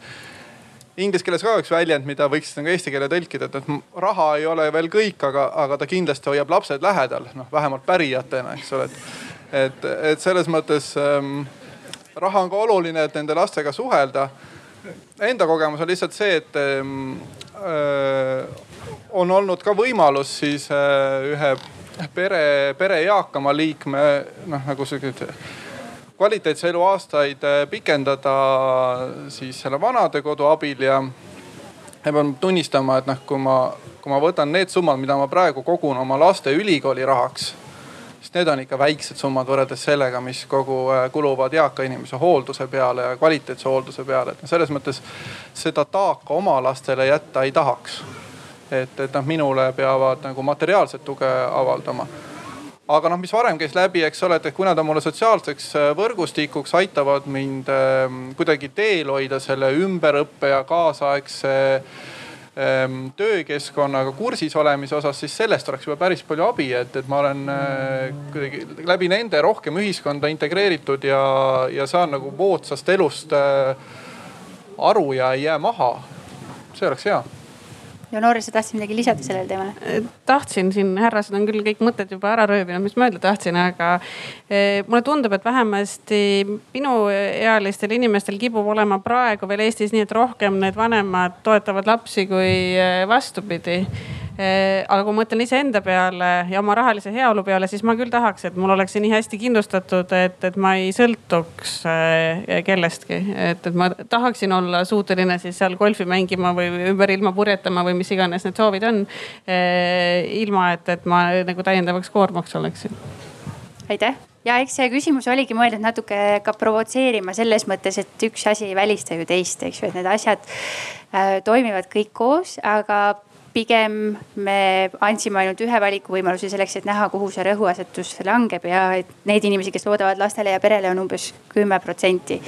et äh, ma usun, et see sõltub ka suuresti äh, meie ühiskondlikest hoiakutest, et milliseks see perekonnamuster kujuneb ja oma Arenguseire Keskuse stsenaariumides äh, me ka adresseerime neid võimalikke muutusi.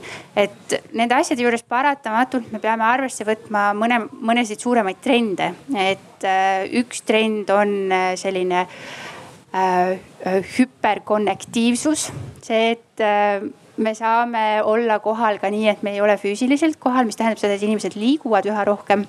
kui see jätkub, siis on tõenäoline, et minu lapsed ei pruugigi olla minu vanaduspõlves Eestis, aga me suhtleme iga päev, et me saame selle toe üksteisele anda aga ka selline üksilduse ajastu trend on paratamatult äh, tekkimas, et ei, ei ole välistatud, et see pöördub sellise nagu äh, seotuma perekonna ja, ja nagu suguvõsade suunas. see, sellised tärkavad trendid ka selle osas on näha, aga, aga see võib sinna pöörduda. aga siis äh, ma esitan teile järgmise provotseeriva küsimuse, et võiksite minna jällegi workshop.com ja siis äh, öelda, et eakate rahalise heaolu eest peaksid hoolitsema kes siis peamiselt, et seda arutelu me juba alustasime. aga nüüd siis ma annan teile kolm valikut, et äh, kas inimesed ise ehk siis mina ise üle oma elukaare säästes ja mõeldes oma rahalisele heaolule vanaduspõlves. või siis äh, see peaks peamiselt olema minu pere, kogukond, lapsed või siis on see ikkagist äh, riigi teema, et ma ei pea sellele mõtlema, ma olen ju tööd teinud, ma olen makse maksnud kui ma jään pensionile, siis äh, see rahaline heaolu peaks äh, ikkagist olema riigi poolt garanteeritud. palun teil vastata nendele, sellele küsimusele. ja tunnistan, et muidugi me tahaksime valida variandi, kus äh, kõik need kolm tegutsevad koos, aga loodan siis näha teie eelistust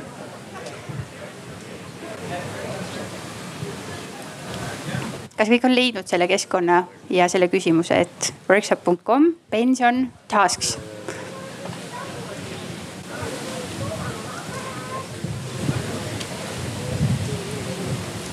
ma loodan, et seekord kõik vastavad.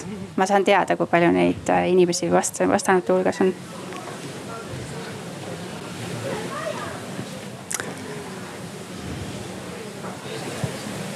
nii, vaatame neid tulemusi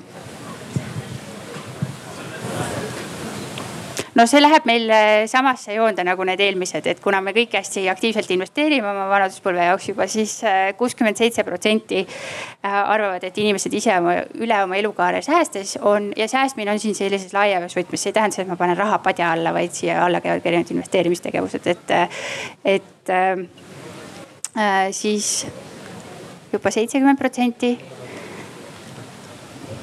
neli protsenti arvab, et lapsed, pere või kogukond peaks olema need, kes on minu äh, vanaduspõlve rahalise heaolu eest vastutavad. ja kakskümmend viis arvavad, et äh, see peaks olema siis äh, läbi riigipensioni maksumaksjate käest siis maksutulu. ehk siis nagu jooksvalt rahastatavad pensionid. aitäh, kas keegi tahab midagi küsida? Kuidas need äh, tulemused tunduvad, et äh, meil on siin äh, ilmselt see tõesti see valim on natukene erinev sellest Eesti üldisest nagu pildist, et no ma arvan, et me päris kõvasti oleme ka kallutanud siin tund aega seda vastust selles suunas, et selles mõttes see oli nagu nii-öelda õige vastus, mida siin äh, võis tunduda, et tuleks äh, äh, valida. teisest küljest võib selliselt näidata seda pessimismi, mida siin juba sai enne mainitud, et, et võib-olla me lihtsalt ei usugi, et muul moel on võimalik tegelikult toime tulla eks me oleme võib-olla ühiskonnana tegelikult äh, väga individualistlikud küll, et äh, kui me võrdleme isegi Lõuna-Euroopa riikidega, kus ikkagi selline perekonna kooshoidmine ja, ja noh, sihuke usuline pool hoiab palju tugevamalt seda ühiskonda koos, et eestlased on erakud, eks ole, et noh, me kipume nii, et mina ise pean hakkama saama, et seda loogikat on meil päris palju ja. aga noh, ka mujalt, et ma ei tea võtame Fontaine'i äh, valmid kuskilt äh, paarsada aastat tagasi, et kus sipelgas tegi tööd ja rohutirts laulis, et noh, mis siis selle valmi puänt oli see, et noh, see, kes suve läbi endale varusid ei kogu, see, see talve üle ei ela. et ähm, noh, eks siin ole nagu äh, küsimus, et kellele me loodame ja kui tugev meil siis äh, õlanaaber on see riik, et kas ta meid äh, aitab või ei aita tegelikult on ju maailmas päris palju riike, kus, äh, kus riiklikku pensioni ei olegi olemas, inimesed saavad hakkama mm. -hmm. on riike, kus, äh, kus riiklik pension eksisteerib, aga ainult nendele, kes ei ole võimelised olnud endale oma tööealise elu jooksul nagu piisavalt sääste koguma. või siis kelle, kes ei ole tööl käinud ja kelle tööandja ei maksa, eks ole. Lääne-Euroopas on väga levinud tööandja pension, et, et ähm, ma ei tea, kus see, kus see riigi lootus meil, meil tuleb, et see on harjumus, siiamaani on maksnud. minu vanematele maksis ka riik pensioni. tundus täiesti loogiline. Sten, sa tahad midagi öelda? ja kõik natuke mängime palli ühte väravasse kogu aeg, et ma siis natuke prooviks teiselt poolt. muidugi säästmine on ka oluline. aga sellel seitsmekümne kahe protsendi vastusel on üks häda. ja see häda on see, et need, kes on jõukad, neil tõesti on võimalik ju säästa ja ja investeerida. Aga need, kelle sissetulekud on väiksemad, nende võimalused säästa on samamoodi palju väiksemad. Ehm, võib-olla võiks isegi küsida, et, et kui inimene teenib miinimumpalka ja tal on palju kohustusi kas on meist eetiline ning mõistlik eeldada, et see inimene selle asemel, et investeerida enda tänasesse heaollu, mis samuti ei pruugi olla kuigi hea, investeerib hoopis oma tuleviku heaollu ehk teissõnu kõik iseendale kogumise variandid on ju tegelikult sellised, mis pole üldse solidaarsed, vaid ongi täpselt individuaalsed, et, et ma ise olen nüüd õnnesepp. aga paraku ühiskonnas on, Eesti ühiskonnas eriti on nii, et, et ehm, selline varanduslik kihistumine on päris suur. ja seetõttu mulle küll tundub, et, et küllap see riiklik komponent, see ümberjagamiskomponent peab siiski ka jääma alles, sest kõik lihtsalt ei suuda endale ise koguda. teiselt poolt see muidugi ei tähenda seda, et me peaksime loobuma siis sellest kapitali või investeerimise põhisest eh, pensionisüsteemist. on olemas ka ju selliseid riike, kus see riiklik pension või, või esimese samba pension ei tule mitte jooksvatest maksetest ainult, vaid ka riik investeerib ise varasid eh, ühel või teisel moel ning jagab neid solidaarselt laiali. Ehm, saades seeläbi siis selle kasu, et, et tulevikus meie järgnevad äh, põlved ei pea kandma nii suurt koormat. aga teiselt poolt, et see pension on, on siiski solidaarsem, et, et see ei sõltu nii tugevalt sinu varasemast sissetulekust ja võimekusest säästa. aitäh. Leonore äh,, tahtsin küsida seda, et äh, me oleme ju loonud erinevaid visioone äh, tulevikuks. aga tihtipeale, mis juhtub, on see, et keegi teeb kuskil mingisuguse visiooni valmis äh, ja meie, mina ise ei tunne ennast osana sellest pikast äh, tulevikuvisioonist, et kuidas äh, saaks endale, kas ennast panna nagu või nagu asetada ennast sellesse tuleviku konteksti või luua endale selle tulevikuvisiooni, mis minu jaoks paremini toimib. et, äh, et olla selleks tulevikuks valmis tegelikult ma pean ennast kordama, sest tegelikult me sellest ju alustasime mm. -hmm iseasi, kas me nii hirmsasti peaksimegi ennast kõikvõimalikesse visioonidesse ja strateegiatesse sisse suutma toppida ja seal elada. pigem me võiksime teha selliseid harjutusi nagu see, millega me täna alustasime. see, kus, kus me mõtisklesime, et milline see elu olla võiks. ehk et, et siis, kui ma olen selle mõtteharjutuse mingil põhjusel läbi teinud. siin on nüüd mõnikümmend inimest, kes on selle teinud ja, ja mõningatel muudel koolitustel veel osalejad on selleni jõudnud Eh, aga, aga valdav osa siiski ju tegelikult selliste ebameeldivate mõtteharjutustega ei tegele eh, ehk siis, siis on ka raske nagu tegelikult selle, selle tuleviku osas mingisuguseid otsuseid täna teha. aga tegelikult on loodud igasuguseid nutikaid lahendusi. ma enne käisin eh, seal mm, teadusalal ja seal oli jutuks vaktsineerimine ja probleem, et inimesed ei tea piisavalt palju õigeid fakte ja, ja siis seal pakuti lahendusena, et äh, tuleks teha üks äpp. ma ei kuulnud lõpuni, ma ei tea, kuhu see, kuhu see vestlus edasi liikus, sest ma läksin natuke tigedaks. Äh, kuna minu selline põhitöö on seotud finantsharidusega ehk siis sellega, kuidas aidata inimesel äh, arukamaid finantsotsuseid teha, siis hästi-hästi tihti tuleb keegi, kes ütleb, et teeme ühe äpi, et teeme ühe äpi ja siis kõik probleemid lahenevad julgen natukene kahelda. Mm, kui siin enne Johanna mainis ühte äppi ühest teisest pangast, mis aitab oma pensionivaatest või pensioni olukorrast ülevaate saada, siis see on väga hea, et see on olemas, aga ka sellistes võiks nagu tulevikus olla rohkem ka seda inimese enda vaadet. ehk siis seda, et, et ma suudaksin ette kujutada, mida need numbrid ja graafikud seal tähendavad, et, et, et ma tegelikult ei saa aru, et missugune on see heaolu, mis mul siis selle raha eest on, et mitu tassi kohvi või, või kas üüriarve või elektriarve on makstud, et ma, ma tegelikult nendest arvudest ei saa aru, mul peaks kuidagi olema seal visualiseeritud, et, et, et sellise rahasumma eest ma elan silla all ja sellise rahasumma eest võiksin juba enam-vähem talutavalt soojas korteris olla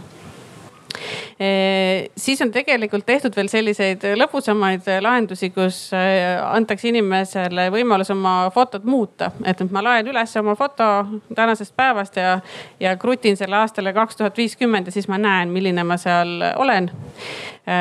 ja, ja väidetavalt siis need, kes on sellise noh ütleme šoki saanud siis eh, need ka tegelikult suurema tõenäosusega mingisuguseid valikuid ja otsuseid oma tuleviku nimel eh, teevad aga ega mul seda sellist ühtset lahendust ei ole, et, et teeme nüüd sellise äpi või, või, või, või äh, seaduse, mille peale koheselt kõik saavad igaveseks ajaks õndsaks. kahjuks seda pole veel leiutatud kahjuks vist tõesti keegi ei ole seda välja mõelnud, aga ma jätkaksin selle visiooni teemal, et, et kui me räägime sellest, et eakus ja pensionipõlv ja see, kuidas me seda peame, on suuresti hoiakute teema, ühiskondliku ootuse teema, siis minu küsimus on see, et aga kas me siiski peaksime sõnastama mingisuguse, tegema mingi ühiskondliku kokkuleppe, kas me peaksime koos looma seda visiooni või võiks igaüks äh, siis elada mingisuguses äh, iseenda visioonis, et üks idee, mida ka näiteks Lauri Lepik on naljatlemisi välja käinud, on see, et noh, et miks ei võiks olla nii, et äh, iga erineva väärtuse, väärtuskesk Äh, keskmega grupp siis loob äh, omaenda pensionisüsteemi, et ma leian oma tiimi, äh, kelle vaated minuga sarnanevad ja noh, ma ei tea, me siis hakkame näiteks vanadekodu ehitama koos või, või loome, investeerime teatud liiki aktsiatesse, et Sten, mis sa arvad sellest? vot see tiimide idee, ma ei tea, see natuke tundub, et me läheme tagasi ajastusse, kui riiki veel ei olnud või vähemalt nii tugevalt, et siis inimesed ise pidid asendama kuidagi riigi funktsioone.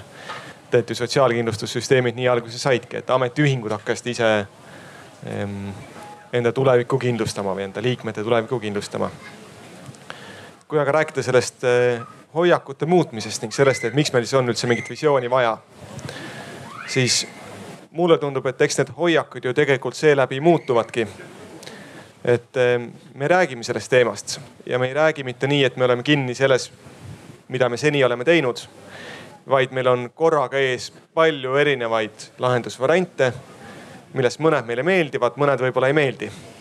ning seeläbi, et me neid arutame, me saame ehm, võib-olla ka jõuda mingile paremale ühiskondlikule arusaamale, et, et kuhu me võiksime minna ehm, ma tean, et, et täna me ei räägi selles debatis, ei keskendu vähemalt teise samba reformile aga minu meelest teise samba reform on selles suhtes väga ilmekas näide. pärast seda, kui, kui teise samba reform muutus aktuaalseks, see oli pisut enne neid märtsis toimunud valimisi, kui kampaaniad olid sellel teemal, siis inimeste arv, kes tundsid huvi teise samba vastu, kasvas hüppeliselt. Nende inimeste arv, kes esitasid küsimusi, oli palju suurem Ehm, ma nägin, et Tuleva näiteks kirjutas Facebooki, et, neil pole kunagi olnud nii palju fondi vahetajad kui enne seda, et, et neile on, on, on positiivselt mõjunud see, et, et me nii palju räägime sellest. ja täpselt samamoodi ma kujutan ette, et üleüldine investeerimisteadlikkus on kasvanud sellest. ja me oleme avanud debati sellest, et kuidas ma tulevikus saan hakkama, et kas see on see mudel, kus mind peavad üleval minu lapsed, kas see on see mudel, kus, kus eh, mind peab üleval riik ja, ja need põlved, kes siis on elus või see on kapitalipõhine süsteem, kus ma täna kogun ja tulevikus kasutan selle vilju ja mis on see tasakaal. see debatt kindlasti juba muudab täna meie hoiakuid ja küllap meil ongi visioone vaja selle jaoks, et, et need hoiakud ka tulevikus saaksid üldse muutuda. ma vaatan veel korra nendele tulemustele, nüüd nad on ära läinud, aga siinpoolne post, eks ole, vist oli, oli seitsekümmend neli protsenti ja see on selles mõttes hästi loogiline, et see, mis ma saan ise ära teha, on on noh, ütleme, mis on minu kontrolli all, on minu oma ja, ja seda on nagu lihtne mõelda, enda jaoks visualiseerida, mida ma teen ja noh, see, mis sa enne just ütlesid ka, et seda debatt on toonud äh, aktiivsust ja konstruktiivsust, sellesse dialoogi, dialoogi, kõik on õige, eks ole. ja Albert Einstein ütles ka, et, et liitintress on kaheksas maailma ime, eks ole, et, et see, kes sellest aru saab, see saab rikkaks ja kes aru ei saa, maksab selle lõbu kinni. et, et see kõik toetab seda endale kogumist, mis ma arvan, et seal ähm, riigile toetumise poolel on probleemiks, vähemalt minul endal ja, ja sõprade ringis rääkides on olnud see, et tegelikult me ei saa aru, milliseks see töökeskkond ja ühiskond üldse meie ümber kujuneb, et kui me võtame, et, et meie siin täna oleme Eesti, eks ole, siis, siis ülejäänud Euroopa pealinnad Aasiast rääkimata on selline nagu Metallica kontsert, eks ole, kus kahe õla vahele ei mahu juuksekarv kukkuma, et meid on Eestis nii, nii vähe ülejäänud maailmas on nagu ähm, ruumipuudus kas me siin Eestis jäämegi niimoodi elama, et igalühel on oma põllulapp või, või tegelikult tuleb siia muud rahvast juurde? miks nad siia tulevad, kas me kutsume ise, kas meie majandus vajab seda? noh, neid küsimusi on hästi palju, millele nagu enda indiviidi aspektist ei oska mitte mingit vastust anda. mul on palju lihtsam tegeleda selle enda, enda mm, äh, vara kogumise, haldamisega sest mu käed jäävad lühikeseks selle riigi pensioni äh, nagu lahti mõtestamisel. ma ei mõtle mitte täna, vaid just see aastal kaks tuhat viiskümmend, et seal on nii palju muutujaid. tänane ma, äh, majanduskeskkond äh,, homne, ülehomne ja siis see kaks tuhat viiskümmend. no mõtleme ennast tagasi, kui oli kaks tuhat kaheksa majanduskriis Kreeka mis siis juhtus? Äh, nad läksid ju seal vist viiekümneselt või viiekümne viieselt pinsile, mis, mis tõi neile riigile meeletu koormuse kaela.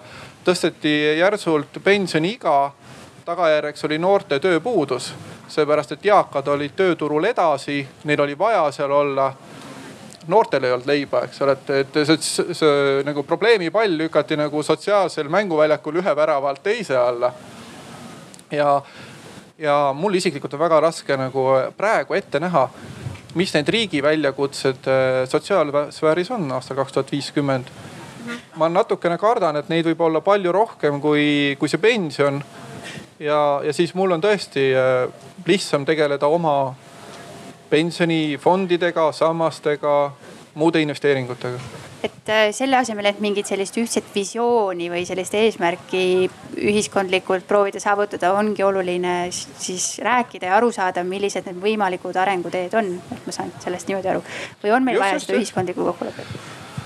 ei noh, kindlasti mingid ühiskondlikud kokkulepped sünnivad vähemalt äh, siis, kui jälle otsustavaid organeid valitakse, nii nagu me siin varem rääkisime, et, et see on, see on kindlasti ju mingi äh, soovide ja vaadete pildistamise hetk, mis, mis loob nagu selle hetke tõepildi mm. -hmm. mida me siis tol hetkel tahame, aga need on ikkagi väga siuksed äh, päevapoliitilised, et ega ega me ju riigikogu valides äh, see aasta ei, ei otsustanud, milline saab olema Eesti viieteist, kahekümne või kolmekümne aasta pärast. tõsi äh, meil on tulnud mõned küsimused workshop'is ja ma siis äh, loen need ette. esimene, et äh, mis arvate, kui peaks täna ettevõtetel soodustama ja esile tooma võimaluse oma töötajatele kolmandasse sambasse maksmise võimalust ehk tekitama sellise boonuse või tava? et äh, seda ka eilses pensionidebatis arutati, et meil tööandja pensionit sisuliselt ei, seda võimalust ei kasutata see on küll süsteemi spetsiifiline küsimus, aga kas äh, keegi teist tahab kommenteerida, kas me peaksime seda soodustama? jah, küsimus on mitte kas, vaid kuidas, ma usun. tegelikult täna ka ju riik proovib soodustada ehm, kolmandat sammast. riik on teinud ka katseid ehm, vähemalt mõelda tööandja pensioni peale. pigem on see probleem selles, et, et vastuvõtt on olnud pigem leige kolmanda samba eh, osas on isegi nii, et kui kunagi ammu, ma usun, et see oli aastal kaks tuhat neli või kaks tuhat viis, neid inimesi, kes liitusid, oli või, või õigemini inimeste arv, kes, kes liitusid alates aastast kaks tuhat neli, kasvas kuni saja viiekümne tuhandeni. siis tänaseks see arv on kahjuks hakanud kukkuma. et eh, kindlasti siin tuleb midagi välja mõelda ma küsiksin kohe selle peale, et äh, aga kuidas äh, kuidas see süsteem saaks hakkama selliste minu moodi hunt kriimsilma stiilis tööd tegevate inimestega, kes töötavad natuke siin, natuke seal, natuke kolmandasse kohta ja kuhugi veel. et, et kuidas, kuidas need sellised nii-öelda mittetraditsioonilise töö tegijad selle süsteemi poolt äh, koheldud oleksid? see muidugi ei ole ainult selle konkreetse süsteemi probleem, vaid üldse kogu sotsiaalkindlustussüsteemi probleem. Ja siin see lähenemine, mida, mida nii Eesti kui ka paljud teised riigid on võtnud, on, et me peaksime vähemalt proovima järjest enam kohelda inimesi, kes töötavad erinevate lepinguvormide alusel. olgu et, et mõni, eks töötab töölepingu alusel, mõni töötab võlaõigusliku lepingu alusel, mõni on ettevõtja. me vähemalt proo-, peaksime proovima neid maksustada täpselt samamoodi ning anda neile enam-vähem samasuguseid hüvitisi.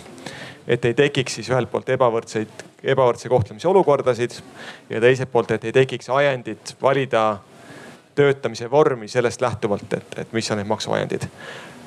see ei ole praktikas kuigi lihtne ülesanne. aga vähemalt see on see siht, mis on seatud. vot selle tööandja pensioniga selline lugu, et eks ta ähm, paljudes lääneriikides ole, ole sündinudki, nagu sa enne viitasid ka ametiühingute äh, ja, ja tööandja ja riigi sihukeses kolmepoolses läbirääkimiste skeemis. ja ma arvan, et meil on samamoodi roll siin, et noh, kes see riik on, kui mitte me ise, aga, aga me töövõtjatena saame ka siin aktiivselt kaasa rääkida minu tööandja maksab mulle tööandja pensioni, kogub, kogub mulle kapitali kolmandasse sambasse. see on, ähm, ma arvan, et Eesti pensionisüsteem on tegelikult äh, võib-olla üks maailma ägedamaid või, või vähemalt Euroopas just sellistele nagu, nagu sina, Leonore, et sa võid Eestis nagu ükskõik kelle juures töötada, ükskõik kui mitme tööandja juures tööandjaid vahetada, su, su pensioni kogumine, pensioni nendesse teise ja kolmandasse sambasse ei kannata seetõttu, noh esimesse ka mitte, eks ole, esimene sammas ka mitte. Ehm, sa saad pensionifondi vahetada peaaegu nii tihti, kui tahad otsused on sinu käes. tegelikult Lääne-Euroopas on paljudes riikides tööandja pension muutunud pigem negatiivseks sõnaks ja just seetõttu, et noh, oletame, et sa oled suure lennufirma mm, töötaja. lennufirma on ära kindlustanud öö, ähm, oma ütleme kaheksakümmend neli tuhat töötajat, kõik ühe ja sarnastel tingimustel sõlmitud mingi kindlustuspoliisi või, või pensionifondi tingimustega. ja sul endal puudub igasugune võimalus kaasa rääkida aktiivselt, vähemalt individuaalselt et kui palju sinna raha peaks sinu palgast minema, milline see investeerimisrisk peaks olema, kuidas sealt raha välja saab võtta. ja, ja, ja sellised paindumatud skeemid on, on tegelikult pidurdavad teisi majandusi, kus, kus inimesed ei saa tööturul vabalt liikuda, sest need sotsiaalsed äh, tagatised on jäigalt seotud. näitena siitsamast kõrvalt Soomest äh, mul äh, endised kolleegid pidid töötama vähemalt viis aastat, et neil tekiks võimalus siis kogutud tööandja pensionit kasutada. kui läksid firmast ära enne viie aasta täitumist, jäid kogu kapitalist ilma. olid üle viie aasta töötanud, said mingi osa kätte, töötasid kümme aastat, said kõik, kõik raha, mis sinu eest oli juba säästetud kätte, et noh, Eesti, Eesti pensionisüsteemid on tegelikult väga paindlikud ja väga sobivad noh startup idele ja no ütleme uuele majandusele väga-väga sobivad, et, et selles mõttes peaksime ise rohkem nõudma oma tööandjatelt ja noh, ma arvan, et eks riigi maksusoodustused ole igale, igale finantsskeemile või üldse igale, igale tootele kasuks, aga noh, kui me kõike hakkame soodustama, siis mis kasu see on, me lõpuks maksame läbi maksude sellele asjale ju peale, et ei tasu nagu ära oleks tegelikult huvitav näha, kuidas need riigid, kus on väga suur osakaal tööandja pensionil, tulevad toime just selle küsimusega, mis Leonore esitas ja, ja nende väljakutsetega tööturul, et mis need lahendused on, mis nad tööandja pensioni asemel äh, kasutusele võtavad või kas seal tekivad mingisugused alternatiivid. Äh, ma annan viimase võimaluse publikul küsida. tõstke käsi, kui teil on tekkinud küsimusi palun tutvusta ennast ja esita küsimust selgelt, aitäh tere, minu nimi on Mats, äh, mina olen Tartu Ülikooli töötaja, töötan akadeemilisel töökohal. ma proovisin selle äpi kaudu ka küsida, aga see vist ei jõudnud kohale, et minu küsimus oleks nagu see, et kui, ähm, kui katsuda näiteks mingisuguse kolm kuni viis tunnust öelda.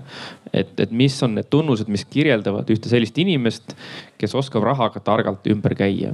et kui see on nagu sihukene eesmärk, et inimesed oskaks rahaga õigesti ümber käia ja kui ma endalt nüüd küsin, et kas ma oskan või ei oska, ma ei ole kindel. et võib-olla kui oleks mingisugused tunnused, mille abil nagu seda inimest ära tunda, siis ma saaks küsida, kas mul need tunnused on, kui on, siis ma võib-olla saan natukene rahulikumalt võtta, aitäh tänan väga toreda küsimuse eest. kas kellelgi on veel küsimusi? ma küsin, võtan äh, kõik äh, küsimused, mis meil on korraga ja siis, äh, siis saan vastata. tõstke julgelt käsi, viimane võimalus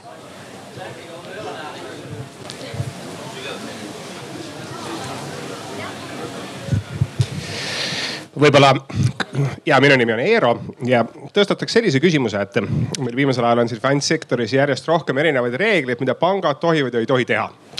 ja varsti vist on niimoodi, et pangad ei tohi enam klientidele suurt äh, midagi soovitada, kuna vastasel juhul, eks siin mõned suured pangad kardavad seoses halbade kogemustega, et keegi pöördub nende vastu kohtusse ja nii edasi ja nii edasi et mulle tundub, et see natukene toetab seda, et igasugused noh, tegelikult äh, võib-olla mitte liiga äh, head finantsinvesteeringud äh, saavad palju rohkem tähelepanu ja inimesed investeerivad asjadesse, mis ei ole liiga äh, nii-öelda kindlad. Ja seda just selle tõttu, et noh, paljud regulaatorid on keeranud pankadel askeldada, et kuna siin on inimesi erinevatest valdkondadest, siis järsku saate natuke omavahel vaielda sel teemal aitäh ja me oleme äpi kaudu saanud ka ühe küsimuse, kas aastani kaks tuhat viiskümmend üldse püsib täna tuttav majanduskasvul tuginev kapitalistlik majandusmudel? kui ei, siis pole sammastest meile tulevikus palju abi, mis oleks alternatiiv? me saime kolm küsimust, meil on äh, üsna vähe aega, nii et ma teeksin niimoodi, et Leonore vastab esimesele, Martin saab teisele vastata. Sten-Andres, kas sa tahad kolmanda teemal äh, natuke spekuleerida?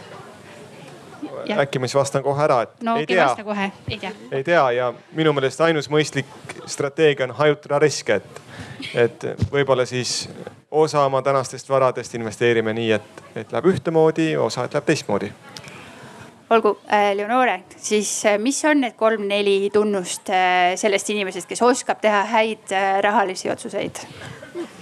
Ma ei äh, tahaks kasutada sõnu häid või õigeid äh, otsuseid äh, kui ma alustasin sellest, et mis asi see rahaline heaolu on, siis äh, ma rääkisin, et see kajastab inimese enda elustiili. ehk siis, et ei ole olemas sellist äh, vastust, et, et tal peab olema nii mitu eurot säästukontol, nii mitu äh, investeeritud ja nii edasi.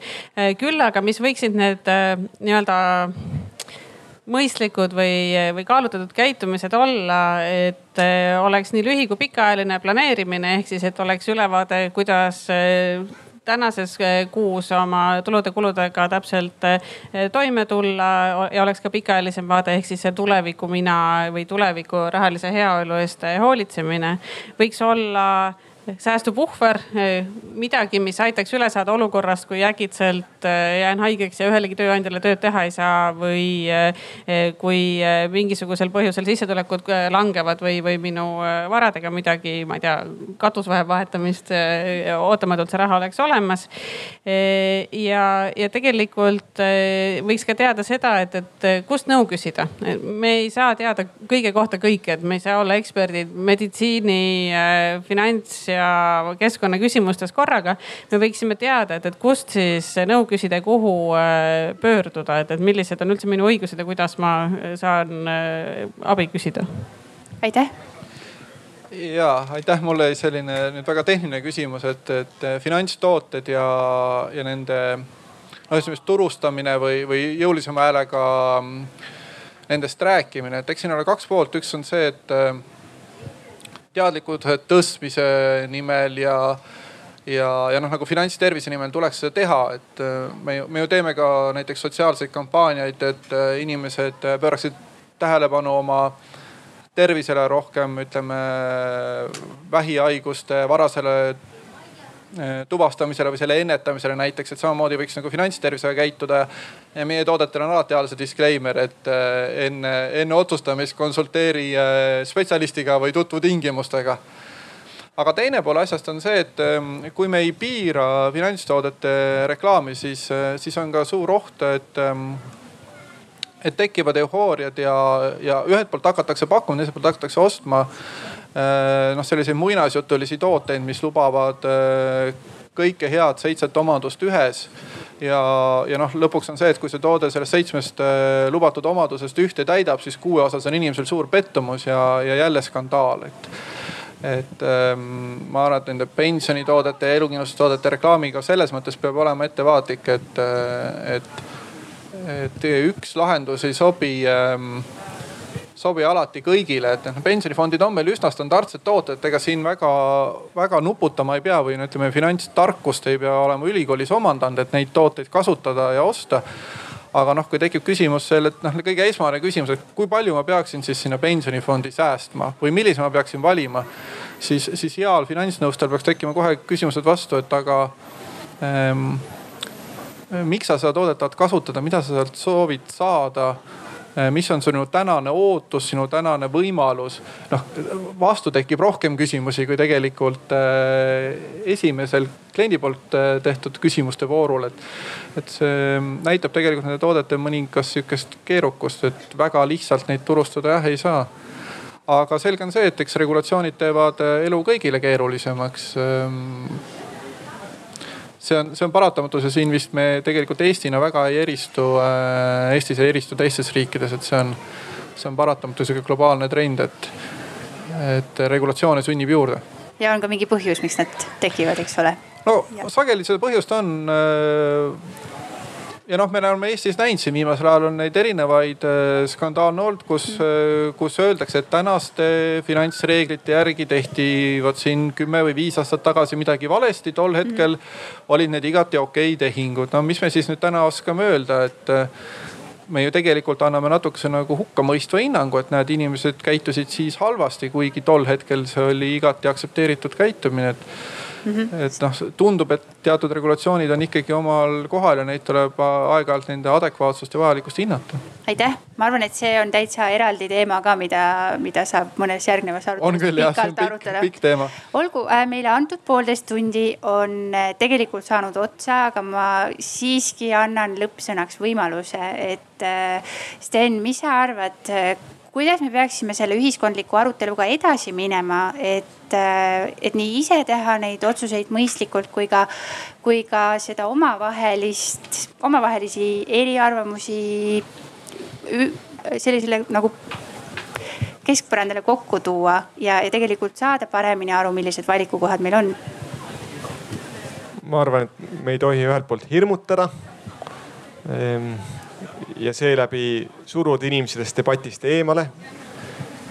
ja teiselt poolt me peame püüdma hoida seda debatti nii informeerituna kui võimalik. ja eks see see väljakutse mõnes mõttes ongi, et, et kuidas pidastada seda debatti nii, et igaüks saaks sellest aru, et inimestel oleks võimalik rääkida kaasa. aga teiselt poolt, et saaks ikkagi piisavalt informeeritud. et äh, oleks võimalik, et see debatt oleks ka päriselt sisuline ehk teisisõnu, see väljakutse on, on igipõline. kuidas öelda keerulisi asju, asju võimalikult lihtsalt ehm, ning nii, et kõik saavad neist aru Leonore, kas sul on midagi eh, lisada, täiendada sellele teemale või mõni? ja mina võib-olla tahaksin öelda seda, et me ikkagi täna oma aruteludes läksime üsnagi palju detailidesse, rääkisime pensionitest, eh, sammastest, pensionisüsteemist, eh, maksusoodustustest ja nii edasi, et see tegelikult ikkagi tavalise inimese jaoks on võrdlemisi igav ja hirmutav teema. tegelikult me võiksime natukene laiemalt mõelda, et näha seda tuleviku rahalist heaolu ikkagi kombinatsioonina väga paljudest asjadest, mitte üksnes sellest, et kas mul on mingisugune sammas või ei ole, kas ma olen kuhugi investeerinud või padjale kogunud, vaid vaadata ka elukestvat õpet tervisekäitumist, kõikvõimalikke muid teemasid, mis vägagi otseselt meie heaolu selles kaugemas tulevikus äh, mõjutavad ja, ja paraku ei, ei saa nii, et, et, et keerame ainult ühte nuppu ja siis kõik muu laheneb iseenesest, et minu meelest tegelikult võib-olla see see ühiskondlik kokkulepe üksnes rahalise heaolu nagu selle nii-öelda finantssüsteemi keskses kontekstis ei ole võib-olla nii, nii väga vajalik, vaid pigem just selline laiem vaade, nagu ka see Arenguseire Keskuse visioonide projekt teha üritab. aitäh, Martin, kas midagi jäi ütlemata? pigem võtan sellest viimasest kinni, ma arvan ka, et äh, ettevõtmised nagu, nagu see Arenguseire Keskus või te olete, on on ülimalt tänuväärt, sellepärast et kui me vaatame meedias toimuvat pensionisammaste noh debatti, debatiks on isegi raske kutsuda, ütleme arvamuslugude trendi, siis, siis kes arvamust avaldavad, on poliitikud fondivalitsejad või nendega lähedalt seisvad isikud ja, ja kirjutavad kindlasti väga heatahtlikult ja oma põhimõtetest lähtuvalt arvamusi nende sammaste osas aga me peame tunnistama, et see on tegelikult tuleb nagu ühes suunas ja mingi hetk võib muutuda nagu äh, targutamiseks ja, ja nagu ühiskondlikult äh, kitsarinnaliseks selles mõttes, et väga väike hulk inimesi mõtleb sel teemal. Ehm, kui teie lööte sinna kaasa ja teised ehm, äh, teiste erinevate eluvaldkondade organisatsioonid, siis ma arvan, et see rikastab seda debatti. ja miks mitte igaüks meist võib ju mingi hetk kirjutada, võtab pliiatsi ja kirjutada kas oma arvamusest kaks tuhat viiskümmend osas oma hirmudest, oma soovidest, küsimustest. et äh, see aitab meil, äh, meil tegelikult leida ka oma isiklikele küsimustele vastuseid ja natukene äkki äh, aitab ka leida küsimusi, mida peaks küsima. aitäh, ma loodan, et see arutelu aitas meil kõigil ennast panna tuleviku olukorda ja mõelda, kas see, mida me endale soovina ette kujutleme, on, on realistlik ja kuidas sinna jõuda, aga ka siis panna rohkem mõtlema nende suurte trendide ja arengute üle. aitäh osalejatele. aitäh, aitäh..